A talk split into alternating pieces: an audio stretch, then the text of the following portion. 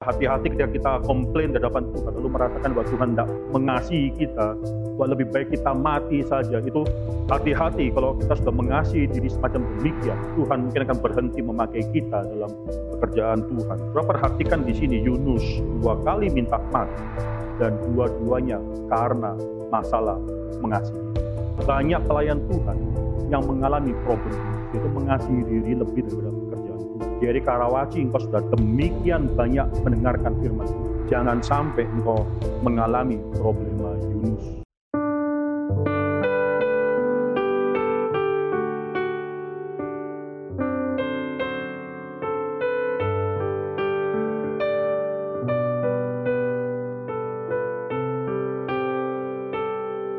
Hari ini kita akan membahas Yunus pasal 4 ayat ke-5 sampai dengan ayat yang ke-11. Ya, Yunus pasal 4 ayat 5 sampai 11 ini menjadi suatu finale daripada kitab atau eksposisi kitab Yunus di dalam persetuan doa pagi ini. Saya akan membacakan pasal 1 ayat 4, lalu saudara baca ayat ke-5 dan saya akan baca ayat ke-6 dan seterusnya sampai selesai. Ya, saya akan membacakan lebih dahulu perikop sebelumnya ayat 1 sampai ayat yang keempat. Tapi hal itu sangat mengesalkan hati Yunus, lalu marahlah dia dan berdoalah ia kepada Tuhan, katanya, "Ya Tuhan, Bukankah telah aku katakan itu ketika aku masih di negeriku? Itulah sebabnya maka aku dahulu melarikan diri ke Tarsis.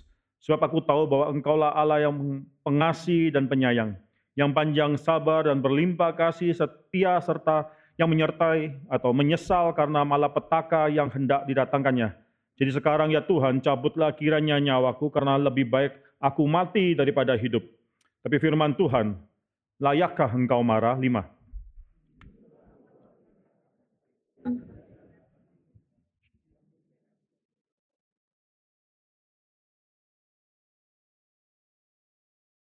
Lalu atas penentuan Tuhan Allah, tumbuhlah sebatang pohon jarak melampaui kepala Yunus untuk menaunginya agar ia terhibur daripada kekesalan hatinya.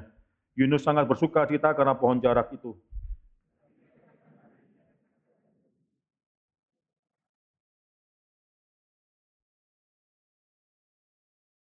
Segera sesudah matahari terbit, maka atas penentuan Allah bertiuplah angin timur yang panas panas terik sehingga sinar matahari menyakiti kepala Yunus lalu rebalah ia lesu dan berharap supaya mati katanya. Lebih baiklah aku mati daripada hidup.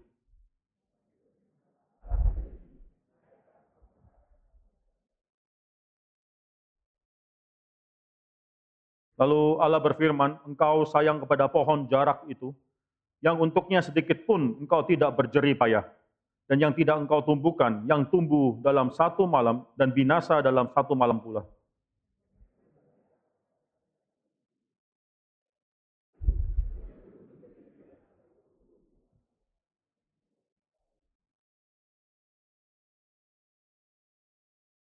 Mari kita tundukkan kepala, kita berdoa. Bapak kami serahkan persetuan doa pagi ini ke dalam tangan Tuhan.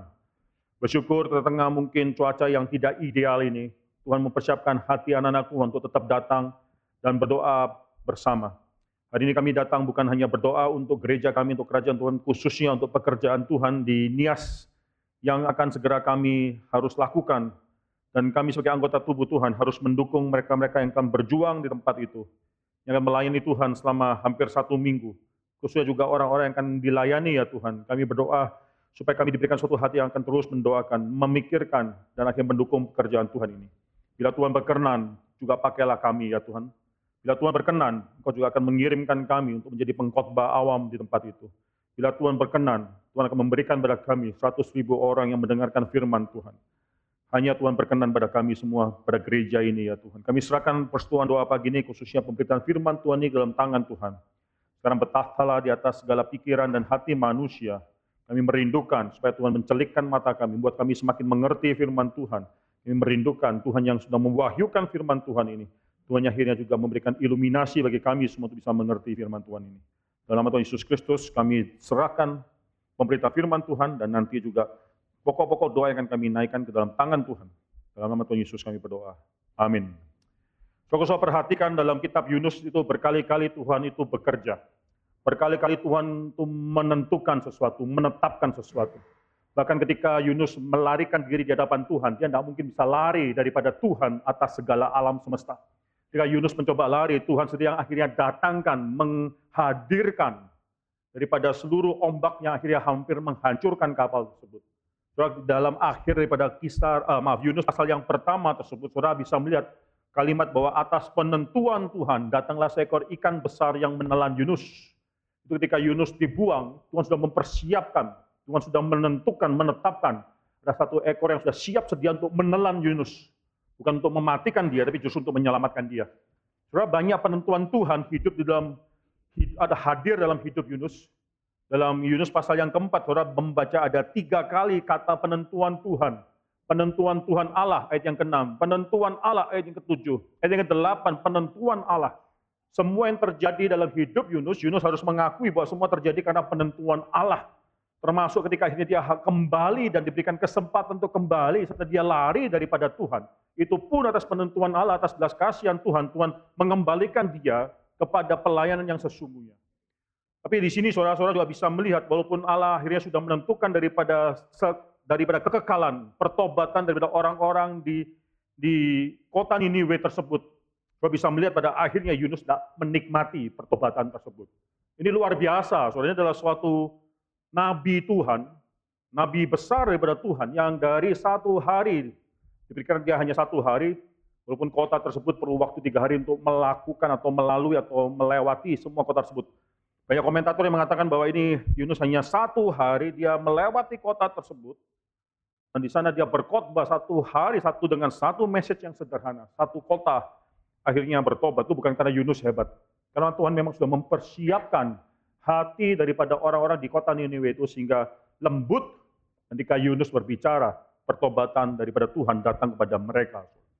Saudara dari Yunus pasal keempat, saudara perhatikan ayat yang pertama sampai dengan ayat yang ke-11 ini sebenarnya bisa dibagi jadi dua perikop. Dua perikop, ayat pertama sampai dengan ayat yang keempat yang sudah kita bicarakan beberapa bulan yang lalu. Dan juga ayat kelima sampai dengan ayat ke-11 itu perikop yang kedua. Tapi sebenarnya secara order, seharusnya saya sudah katakan ini, saudara, perikop kedua itu terjadi sebelum perikop yang pertama. Ya sekali lagi, saudara, secara order, pasal 4 ayat 5 sampai 11 itu terjadi sebelum pasal 4 ayat 1 sampai ayat yang keempat. Maka di sini bisa melihat setelah Yunus memberitakan berita mengenai apa yang akan terjadi bila Niniwe tidak bertobat, bahwa dalam 40 hari kota itu akan ditunggang balikkan oleh Tuhan.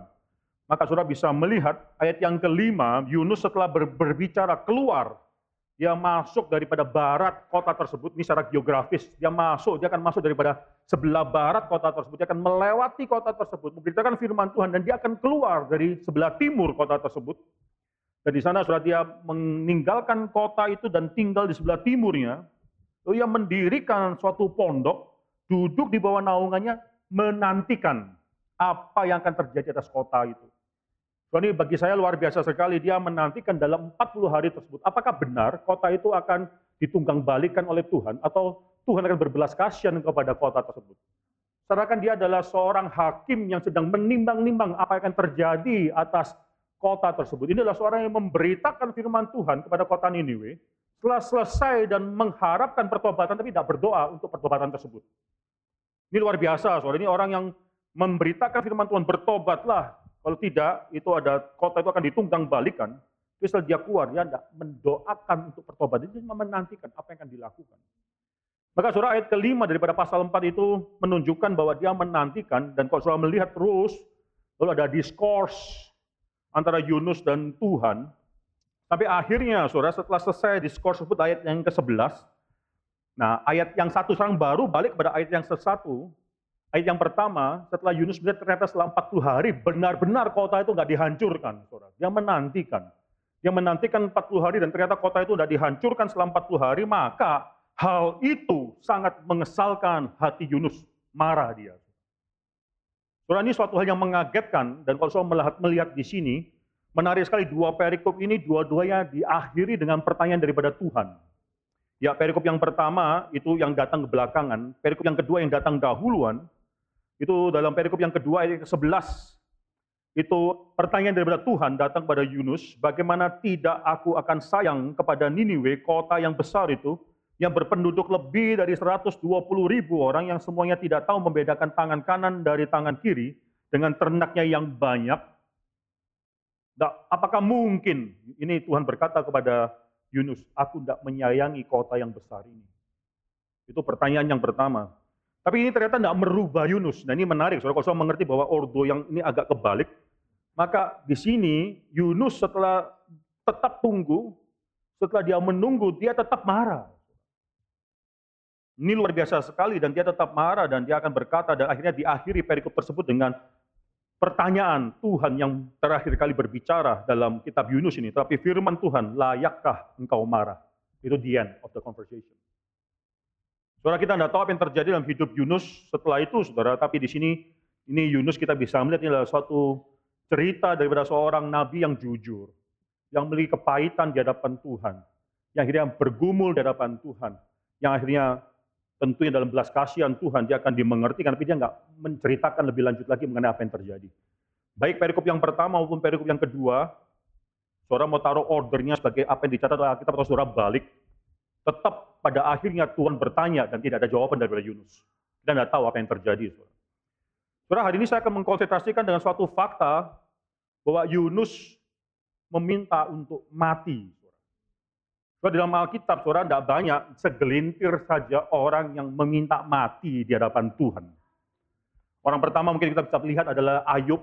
Ayub dalam Ayub pasal yang ketiga ayat 11. Di sana dia bukan meminta mati, tapi dia menyesali mengapa dulu dia tidak mati. Mungkin di dalam tengah-tengah dia tidak mengerti apa yang sedang terjadi, mengapa dia mengalami begitu banyak penderitaan. Ayub menyesali hari di mana dia dilahirkan. Coba kita buka Ayub pasal 3 11.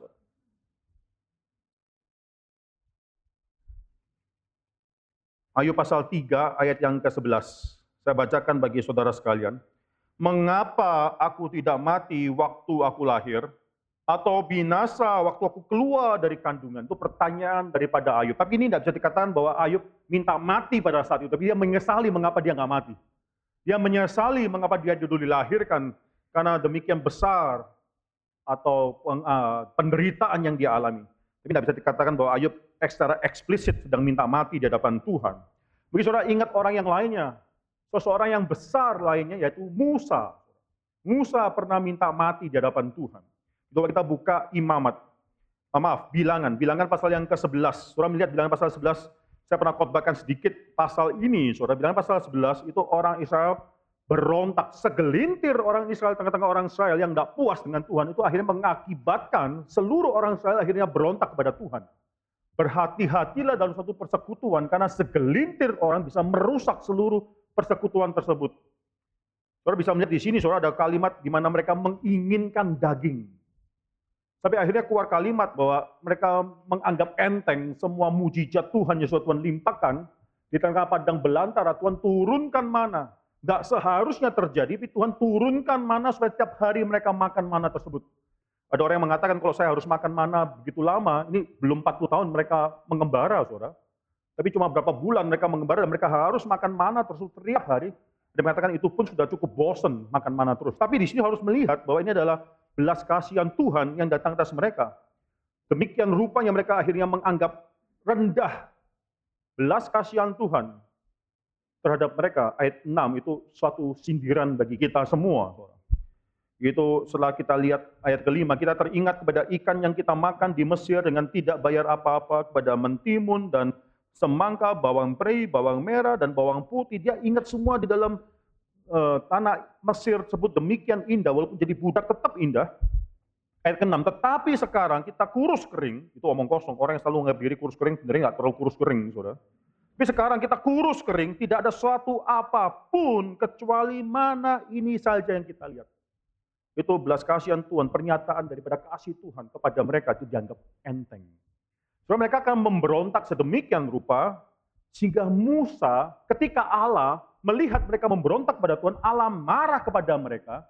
Tapi yang menarik, Musa marah kepada Allah. Saudara. Ketika Allah marah kepada mereka, Musa marah kepada mereka. Ayat 10, saudara.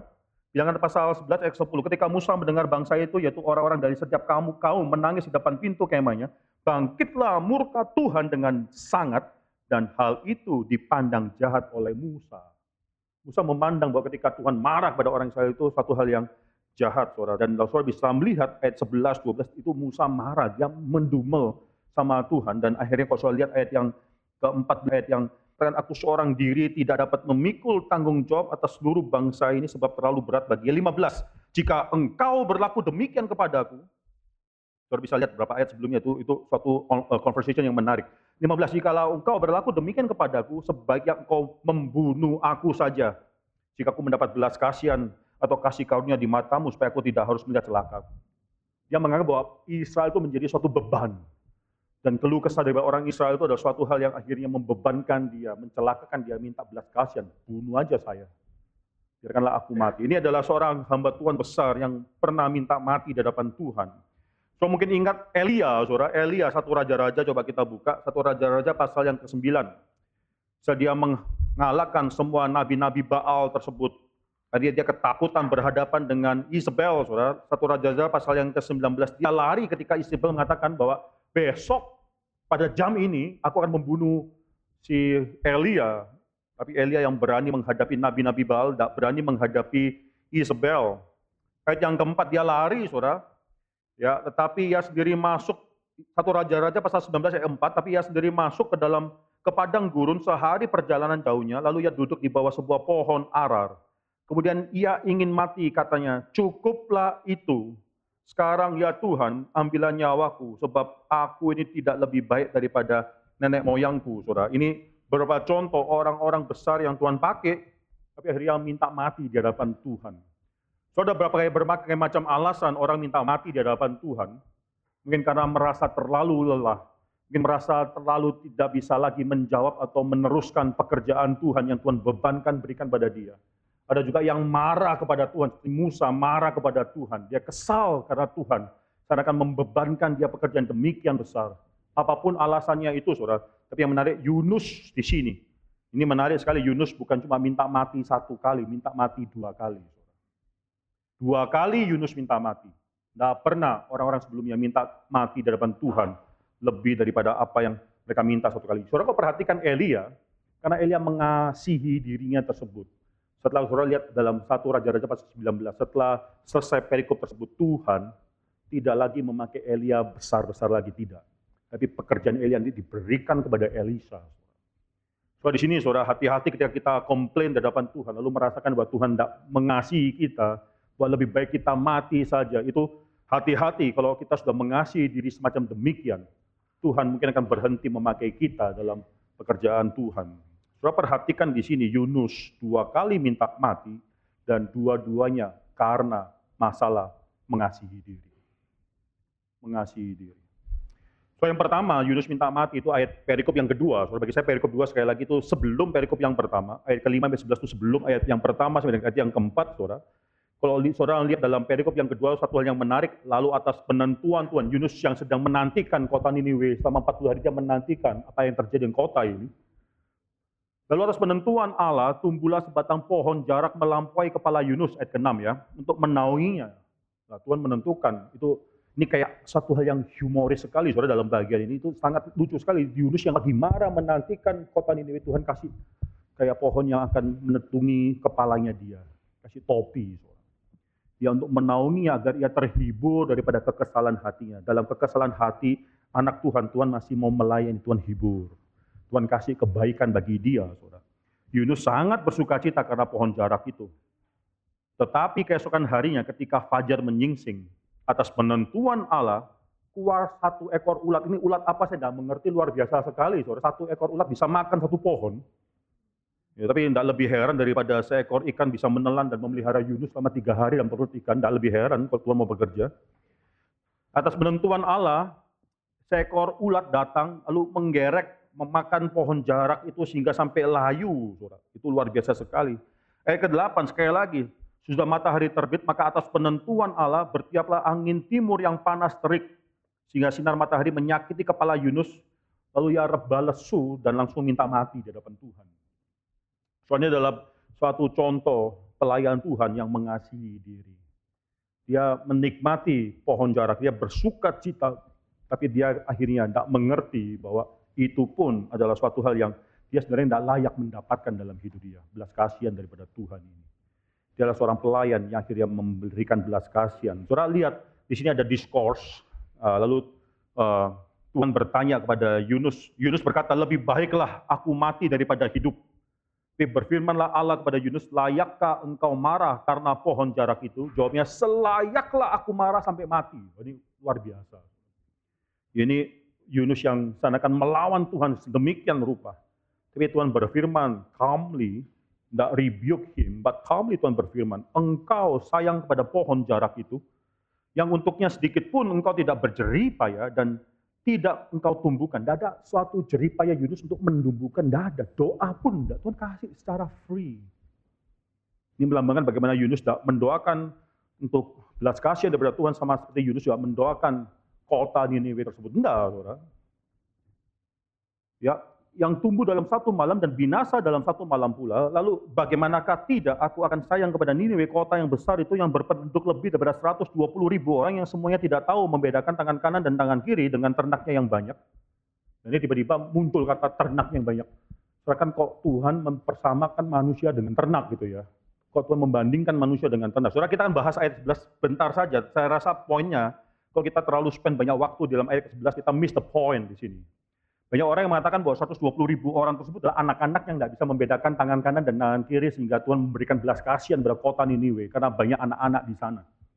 So dengan demikian, saudara, kalau anak-anak saja 120 ribu orang, saudara bisa bayangkan 120 ribu orang yang tidak bisa membedakan kanan dan kiri. Kira umur berapa sih anak-anak yang seperti demikian? Mungkin di bawah umur 2. Kalau di bawah umur 2 saja 120 ribu orang, saudara bisa bayangkan ini kota Niniwe berapa besar. Ini mungkin bisa jutaan orang, saudara, kota Niniwe. Saya eh, arkeolog waktu menemukan kota Niniwe tersebut tidak, mengatakan atau tidak bisa membayangkan kota itu sebesar kalau dengan interpretasi semacam demikian. Ini adalah 120 ribu orang yaitu penduduk kota Niniwe tersebut, 120 ribu orang. Dari besar di kecil 120 ribu orang. Lalu apa maksudnya di sini adalah mereka yang tidak tahu membedakan tangan kanan dan tangan kiri. Ini tidak usah dikatakan bahwa mereka adalah orang yang innocent. Tidak ada yang innocent. Dalam doktrin reform tidak ada yang innocent. Bahkan seorang anak pun dia lahir di dalam dosa, sudah dikandung dalam dosa. Tidak ada yang innocent. Saudara, apalagi kalau saudara bayangkan, eh, bandingkan dan Yunus pasal yang ketiga, Yunus pasal ketiga, eh ketujuh, atas perintah raja dan para pembesarnya, orang memaklumkan dan mengatakan di Niniwe demikian, manusia dan ternak, lembu, sapi, dan kambing domba tidak boleh makan apa-apa tidak boleh makan rumput dan tidak boleh minum air. 8. Haruslah semuanya, manusia dan ternak, berselubung kain kabung dan berseru dengan keras kepada Allah, serta haruslah masing-masing berbalik dari tingkah lakunya yang jahat dan dari kekerasan yang dilakukannya. Mereka mengakui mereka adalah orang yang jahat. Ini adalah orang yang sama sekali tidak tahu apa yang sedang terjadi. Mereka tidak tahu mereka sedang berdosa pada Tuhan. Mereka seakan adalah orang yang innocent karena mereka tidak tahu. Bukan. Mereka sendiri mengakui bahwa mereka adalah orang yang berbuat jahat kepada Tuhan. Mereka akui. Saudara di sini bisa dimengerti ya, ini banyak komentator dengan begitu beraneka ragam interpretasi terhadap apa maksudnya tidak tahu kanan dan kiri, tangan kanan dan tangan kiri. Adalah salah satu yang baik yang mengatakan bahwa ini menunjukkan bahwa mereka itu saat itu tidak tahu apa yang harus mereka lakukan dengan impending judgment daripada Tuhan yang akan datang pada mereka. Mereka bertobat, tapi mereka tidak tahu apakah pertobatan mereka akan diterima oleh Tuhan atau tidak. Itu satu kebimbangan dalam hidup mereka. Satu kota tersebut, semuanya 120 ribu orang itu sedang tidak tahu apa yang akan terjadi. Ini ketidaktahuan apa yang akan terjadi dalam hidup mereka. Di sana Tuhan katakan, aku mengasihi orang seperti demikian. Lalu ada suatu kalimat dengan ternaknya yang banyak. Ini bukan lagi menunjukkan bahwa ternak pun berharga sama seperti manusia. Saudara, sebenarnya di dalam Yunus ini banyak hal yang lucu. Saudara. Ada humor daripada Tuhan. Tuhan menggunakan binatang-binatang. Ya Tuhan menggunakan ikan untuk menyelamatkan Yunus. Tuhan nanti akan menggunakan ulat untuk menghancurkan pohon yang menaungi Yunus. Kalau lihat dalam pasal yang ketiga, itu bahkan sampai ternak pun harus berkabung. Itu lucu, saudara ya. Ternak pun harus berkabung, berpuasa, tidak makan rumput. Oh, di sini Tuhan Yesus, eh, maaf Tuhan katakan bahwa Dia mencintai orang-orang Niniwe berserta juga dengan ternak. Ini ini menarik sekali, saudara. Menunjukkan bahwa Tuhan memiliki segala sesuatu. Tapi, saudara, ayat yang 11 itu harus dikaitkan dengan kepahitan Yunus atas pohon jarak yang akhirnya satu malam datang dan satu hari pergi. Maka di sini saudara bisa membandingkan ayat 10, ayat 11 itu satu kaitan. Yunus mengasihi pohon jarak tersebut. Tapi Yunus tidak bisa mengasihi orang Niniwe. Yunus mengasihi pohon jarak yang cuma a plant, yang cuma tumbuhan. Tapi Yunus gagal dalam mengasihi orang-orang yang lebih berharga daripada tumbuhan. Kata ternak di sini menarik, saudara. Nggak usah ngomong soal orang-orang dalam Niniwe. Ternaknya saja sudah lebih berharga daripada pohon yang keluar satu malam tersebut. Tapi Yunus lebih mengasihi pohon tersebut. So, ini adalah satu kebutaan daripada pelayan Tuhan yang akhirnya mengasihi diri lebih dari mengasihi orang yang juga dikasih oleh orang lain. Yang mengasihi diri dan memperhitungkan hal-hal kecil dalam hidupnya. Yang mengenai, khususnya mengenai kenyamanan dia dalam hal ini, saudara Yunus bergumul dalam perikop yang kedua pasal yang keempat ini, bergumul dengan kenyamanan hidup dia. Tapi dia tidak bisa melihat suatu hal yang lebih besar, nilai dan harga manusia. Yang menyayangi pohon. Di sini dibandingkan juga, Tuhan katakan di sana, engkau bahkan tidak berjeripaya, tidak melakukan apa pun untuk akhirnya membuat pohon itu tumbuh. Ini dibayang, dibandingkan dengan bagaimana Tuhan itu sudah menyediakan belas kasihan Tuhan kepada kota tersebut ada common grace daripada Tuhan.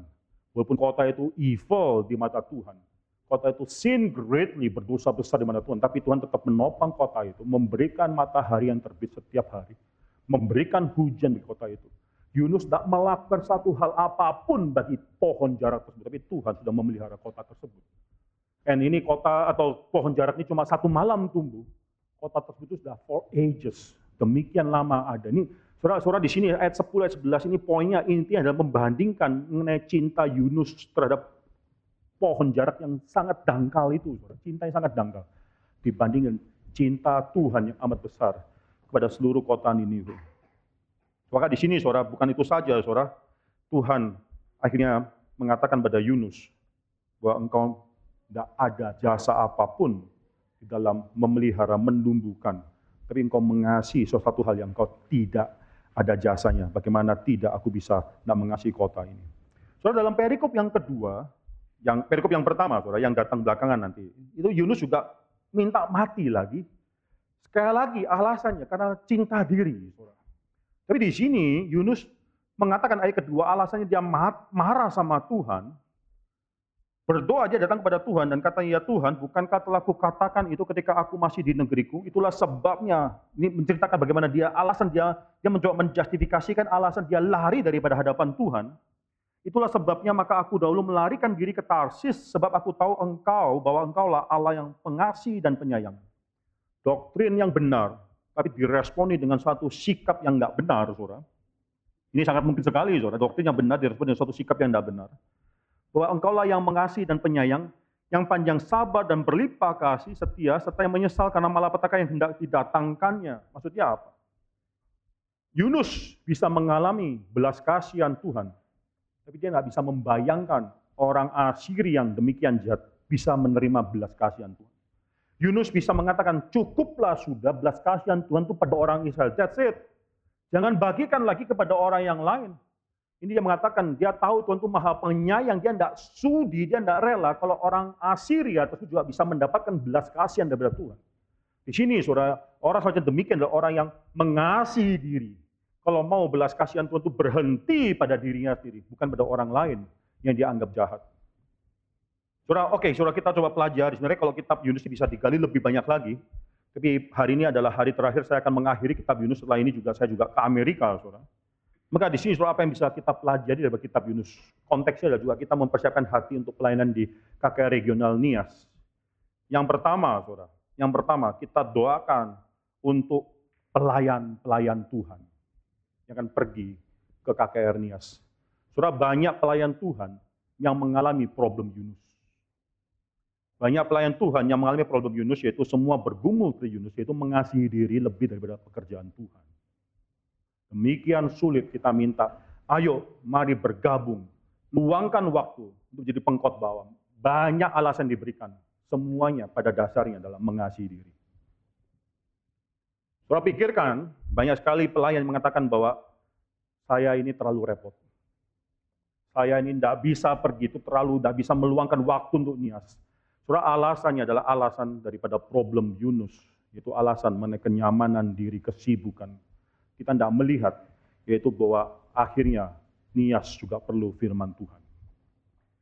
Bahkan ketika kita mengatakan bahwa saya tidak perlu pergi, kita sedang mengatakan berkat Tuhan cukup pada diriku, tidak perlu harus sampai ke orang-orang di Nias. Itu problem daripada Yunus yang juga mengatakan bahwa berkat Tuhan cukup pada diriku. Nggak perlu sampai pada orang-orang di Nias. Geri Karawaci engkau sudah demikian banyak mendengarkan firman Tuhan. Jangan sampai engkau tidak berbagian dalam memberitakan firman Tuhan. Engkau sudah pernah ikut pelatihan pengkhotbah awam. Tapi mungkin kita merasakan diri kita terlalu sibuk dan sebagainya. Jangan sampai engkau mengalami problema Yunus yang kedua, saudara, kita tetap mendoakan eh, pelayan. Doakan bukan cuma supaya Tuhan memberikan pelayan-pelayan yang cukup. Sekali lagi, saudara, 40 pengkhotbah dibutuhkan. Bukan Tuhan yang membutuhkan kita. Tapi kalau Tuhan berkenan dan Tuhan berbelas kasihan bagi Eri Karawaci, tiga kabupaten, Nias sudah lima kabupaten, tiga kabupaten dilayani itu 100 ribu orang, siswa, anak-anak kecil. Itu Nias, cuma siswanya saja itu sudah hampir sama dengan seluruh penduduk Niniwe, saudara, yang akan kita layani. Ya 100 ribu dengan 120 ribu seluruh penduduk Niniwe tersebut. Ini 100 ribu hanya siswa-siswa dari SD, SMP, SMA. Saudara di sini, saudara, saya terus berpikir kenapa Tuhan tidak memberi cukup pelayan sehingga kita bisa melayani seluruh Nias, lima kabupaten satu minggu kita layani. Tuhan masih belum berbelas kasihan kepada Geri Karawaci, hanya memberikan hanya mempercayakan tiga kabupaten. Itu pun kalau Tuhan tidak berbelas kasihan, kita tidak bisa melayani ke 100 ribu orang tersebut. Ini yang pertama, kita mendoakan mengenai pelayan yang diperlukan. Bukan Tuhan yang memerlukan, tapi perlu ada orang yang didorong untuk bisa melihat dan melakukan pekerjaan Tuhan. Yang kedua, doakan juga untuk sukacita pelayan. Bukan cuma supaya pelayan hadir dan melayani Tuhan, tapi doakan untuk sukacita pelayan. Karena Yunus membuktikan bahwa seorang pelayan bisa melayani Tuhan dan bisa dipakai luar biasa, tapi tidak memiliki sukacita. Yunus, kitab Yunus membuktikan pada kita semua bahwa kita bisa melayani Tuhan dengan setia, tapi tidak mengharapkan pertobatan orang yang kita layani. Kitab Yunus membuktikan pada kita bahwa kita bisa melayani Tuhan dengan setia, tapi akhirnya hati kita mengalami kepahitan dalam melayani. Setelah mereka akan pergi ke KKR Nias, itu pergumulan besar. Jangan sampai mereka dipakai oleh Tuhan dan Tuhan akan pakai mereka dan Tuhan akan menggenapkan semua rencana Tuhan, tapi mereka nggak kebagian sukacita karena melayani Tuhan. Jangan sampai ini terjadi. Saudara perlu doakan semua pelayan yang akan pergi. Saya mendoakan, masih mendoakan ada 40 pengkhotbah awam yang akan pergi. Mendoakan semua pendamping yang akan mendampingi mereka. Semua melayani Tuhan. Tapi pada akhirnya semua bersuka cita karena mereka dipakai oleh Tuhan. Jangan sampai pada akhirnya hanyalah hidup kita dipenuhi dengan pertanyaan daripada Tuhan. Apakah engkau layak untuk marah di hadapanku? Yang ketiga dan yang terakhir, saudara. Saudara kalau melihat Niniwe. Niwe ketika Yunus berkhotbah kepada dia, itu sekitar 750-760 sebelum Masehi. Akhirnya Niniwe akan dihancurkan oleh sekutu daripada Akad dan juga media akan menghancurkan dan mengalahkan Assyria. Dan Niniwe akan dihancurkan pada tahun 612 sebelum Masehi. Itu kira-kira 150 tahun setelah Yunus berkhotbah, setelah Niniwe bertobat. Tapi suatu akhirnya saudara itu akan dihancurkan. Sejarah akan mengatakan alasan uh, kota Niniwe dihancurkan adalah karena akad dan media. Tapi Nahum menjelaskan alasan utama Niniwe dihancurkan. Coba kita buka Nahum pasal yang ketiga, saudara. Ya, Nahum pasal yang pertama, yang pertama itu mengatakan ucapan ilahi tentang Niniwe. Ya, Pintar paling jelas dikatakan dalam Nahum pasal yang ketiga yang pertama. Celakalah kota penumpah darah itu seluruhnya dusta belaka, penuh dengan perampasan dan tidak henti-hentinya penerkaman. Saudara bisa baca selanjutnya. Mengapa kota Niniwe dihancurkan? Bukan cuma karena ada serangan orang akad dan orang media yang melawan Assyria dan akhirnya menghancurkan kota Niniwe. Tidak. Kota Niniwe dihancurkan karena mereka melawan Tuhan lagi. Berdosa terhadap Tuhan. Coba perhatikan, Yunus berkhotbah satu kali. Seluruh kota bertobat tapi itu tidak menjamin kota Niniwe itu akan terus ada. Ya, setelah Yunus berkhotbah, setelah mereka bertobat 150 tahun kemudian, kota itu dilenyapkan. Saudara, apa yang menarik bagi kita dan apa konteksnya dalam Nias? Saudara, kita jangan pergi dan mengharapkan bahwa setelah saya melayani di Nias, itu mungkin harus akan pasti long lasting selama-lamanya. Oh enggak. Mungkin setelah engkau berkhotbah di Nias, ada orang yang menerima Tuhan, ada orang yang dirubahkan. Tapi setelah itu mungkin Nias tidak berubah. Setelah itu mungkin Nias tetap akan mendapatkan penghakiman daripada Tuhan karena dosa-dosa mereka. Tapi ini tidak membuat kita tidak memiliki feeling of urgency di dalam melayani Tuhan. Doakan untuk perasaan urgency dalam melayani Tuhan. Selagi kita memiliki waktu dan kesempatan, kita pergi. Apa yang terjadi di kemudian, seberapa banyak Tuhan akan memberkati kita di Nias, itu soal kedua. Saudara, tidak ada yang misalnya, ini eh, Yunus juga tidak bisa membayangkan problema Yunus pada Tuhan. Bukan mengatakan, engkau toh akan menghancurkan kota ini, ngapain saya harus memberikan memberitakan Injil pada kota itu? Bukan. Tapi tetap Tuhan panggil Yunus untuk melayani kota tersebut karena urgensi pada saat itu. Nah, kita harus doakan tiga hal ini, sudah doakan supaya Tuhan kirimkan pelayan-pelayan Tuhan. Doakan supaya pelayan Tuhan yang dikirim ke kota Nias itu akhirnya diberikan sukacita oleh Tuhan. Doakan juga ketika kita melayani Tuhan, ada satu feeling urgency. Kita harus melayani Tuhan. Bukan untuk hasil yang mungkin kita tidak tahu, tapi paling tidak untuk pada saat itu ada orang yang harus mendengarkan firman Tuhan. Sewaktu kita memberitakan firman Tuhan pada murid-murid di di mana pun kita melakukan KP regional, itu selalu ada satu Daud. Saya ada. Ketika saya panggil mereka, apalagi kalau anak SD, siapa yang mau terima Tuhan? Wah itu lomba-lomba angkat tangan. Saudara. Lihat kiri, lihat kanan, lalu angkat tangan. Berhenti, berhenti, berhenti. Pikirkan baik-baik. Tapi mereka sudah pikir baik-baik, ya itu hasilnya. Saudara. Siapa yang mau jadi hamba Tuhan? Ini pertanyaan lebih serius lagi. Banyak sekali angkat tangan. Ada Daud. Kita mungkin meragukan ini benar atau tidak. Tapi itu itu bukan urusan kita. Jadi kita menaburkan pada saat itu urgensi harus menaburkan firman Tuhan. Dan Tuhan yang akan memberkati. Banyak daripada kita yang akhirnya memberikan komitmen hidup kita kepada Tuhan waktu kita masih kecil. Saya percaya banyak daripada kita juga mengalami bagaimana Tuhan bekerja dan kita memberikan diri kepada Tuhan. Justru waktu kita masih sangat muda, ketika orang lain menganggap kita tidak bisa mengerti apa-apa, tapi Tuhan pakai firman Tuhan merubahkan kita. Sebab kita ke Nias itu karena selalu satu masalah, satu urgency yang harus ada. Mengapa? di Nias khususnya, itu anak SMA, kalau sudah lulus SMA, keluar dari Nias, mengadu nasib, tidak balik lagi ke Nias. Waktu mereka mengadu nasib, akhirnya mereka kehilangan iman dan lain sebagainya. Di CIT saat ini, saudara, ada seorang yang dari Nias. Ada seorang murid yang dari Nias.